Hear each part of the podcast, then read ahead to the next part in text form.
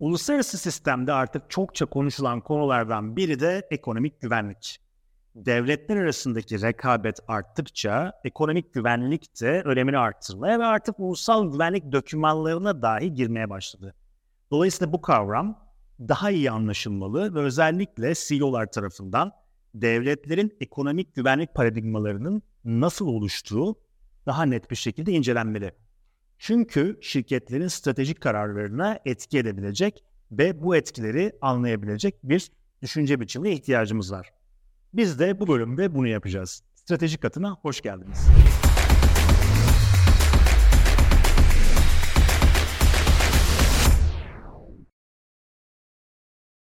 Öncelikle meseleyi anlamak için bir kavramdan bahsetmek istiyorum size. Zira bu kavramı ne kadar iyi anlarsak konuyu da o kadar iyi kavrarız. Bu kavram Economic Statecraft yani ekonomik devlet idaresi ya da devlet gücü diye çevirebiliriz Türkçe'ye. Peki nedir Economic Statecraft? Şu anlayışa dayanıyor. Aslında üç tane çok temel unsur var. Bunlardan birincisi diyor ki uluslararası ekonominin temel yapı taşı uluslararası şirketlerdir. Yani devlet dışı aktörlerdir ve bunların arasındaki ticari faaliyetlerdir. Dolayısıyla uluslararası ekonomiyi temelde ticari şirketlerin arasındaki faaliyetler belirler. Ancak ikinci unsur şirketler arasında yapılan bu ticari faaliyetlerin devletleri olan etkileridir. Yani çeşitli etkileri olabilir. Yani ekonomik terimlerle belki ifade edecek olursak bu ticari faaliyetler belli dışsallıklara yol açar. Ekonomik faaliyetlerden kaynaklanan işte bu dışsallıkların ya da bu etkilerin devletlerin ulusal güvenliklerine dahi çeşitli yansımaları olabilir.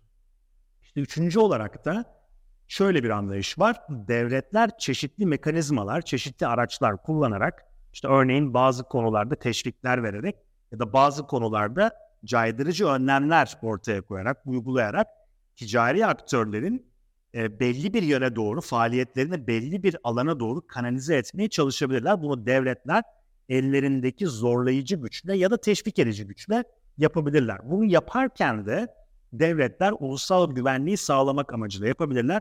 İşte bütün bunlara economic statecraft diyebiliriz.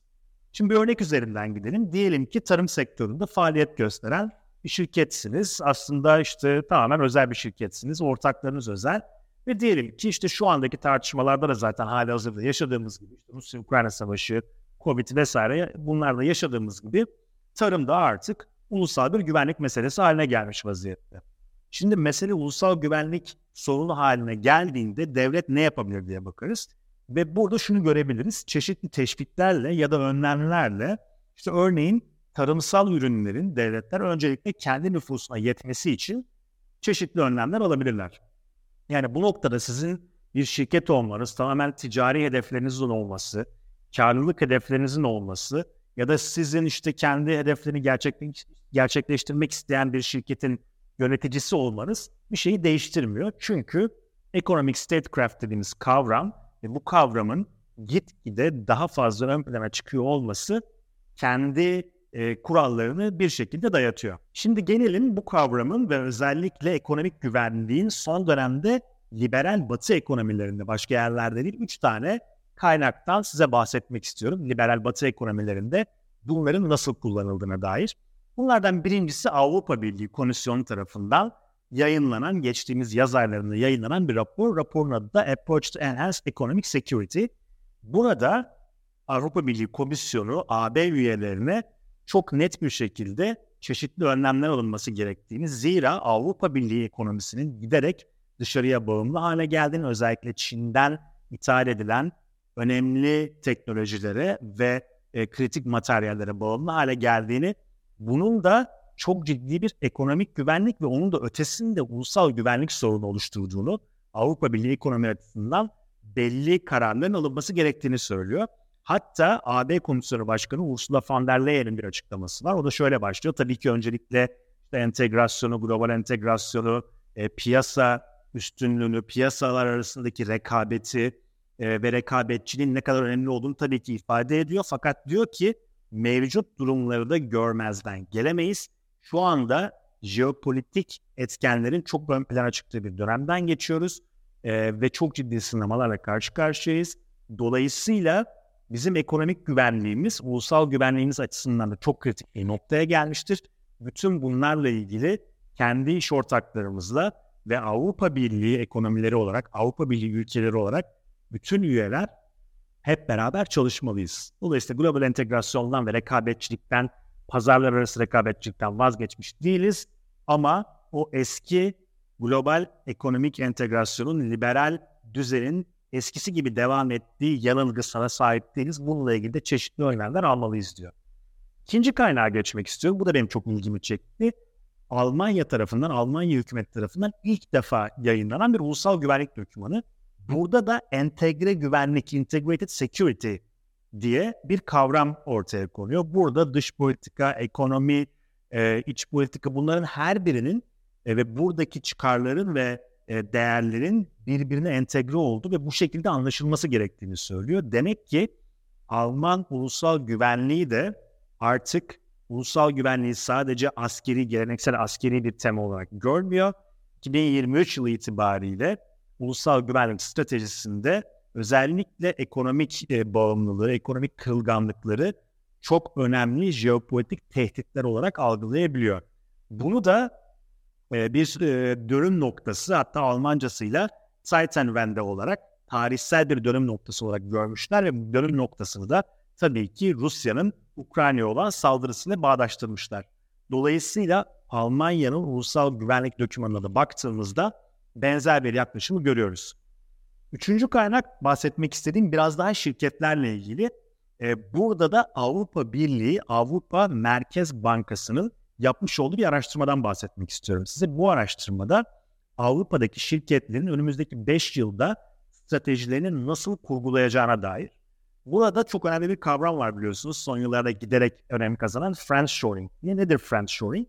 Şu demek, e, şirketlerin politik olarak ve bazen de kültürel olarak kendi ülkelerine dost olan yani friend olan, dost olan ülkelerden yatırım yapması, oralarda yatırım yapması, oralarda ticaret yapması, oralardan çeşitli ürünleri tedarik etmesi anlamına geliyor. Yani offshore ve onshore gibi artık friendshoring dediğimiz bir kavram var.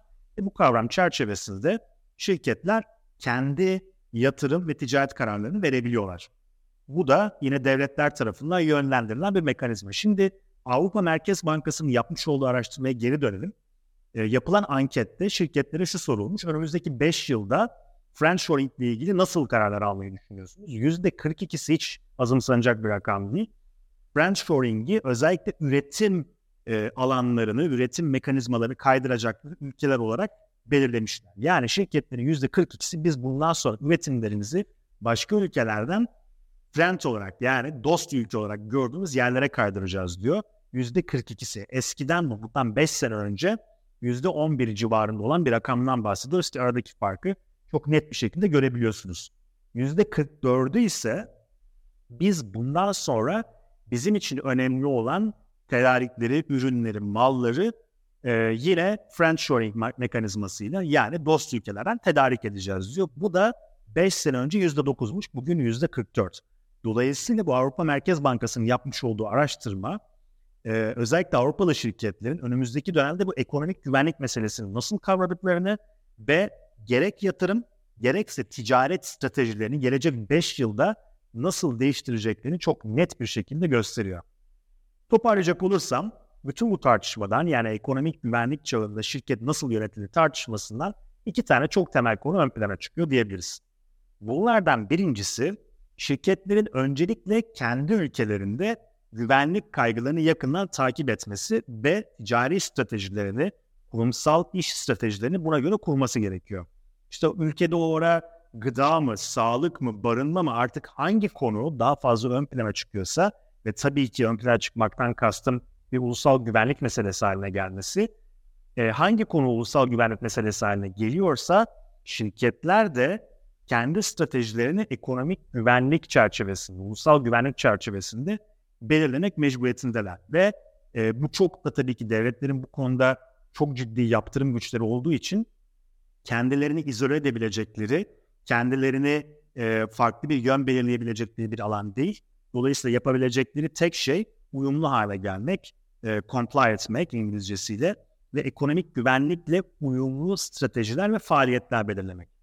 İkincisi ise özellikle az önce vermiş olduğum Avrupa Birliği Merkez Bankası örneğinden yola çıkarak İkincisi ise özellikle küresel sisteme entegre olan ve Türkiye'nin çok önemli e, bir ticaret ve yatırım ortağı olan Avrupa Birliği açısından baktığımızda önümüzdeki 5 yılda Avrupalı şirketlerin gerek yatırım gerekse ticareti yani e, alışverişi, e, ithalat ve ihracatı daha çok dost gördükleri ülkelerde yapacakları, friendshoring yapacaklarını söylemiştik. Zaten sonuçlardan da bunlar çıkmıştı.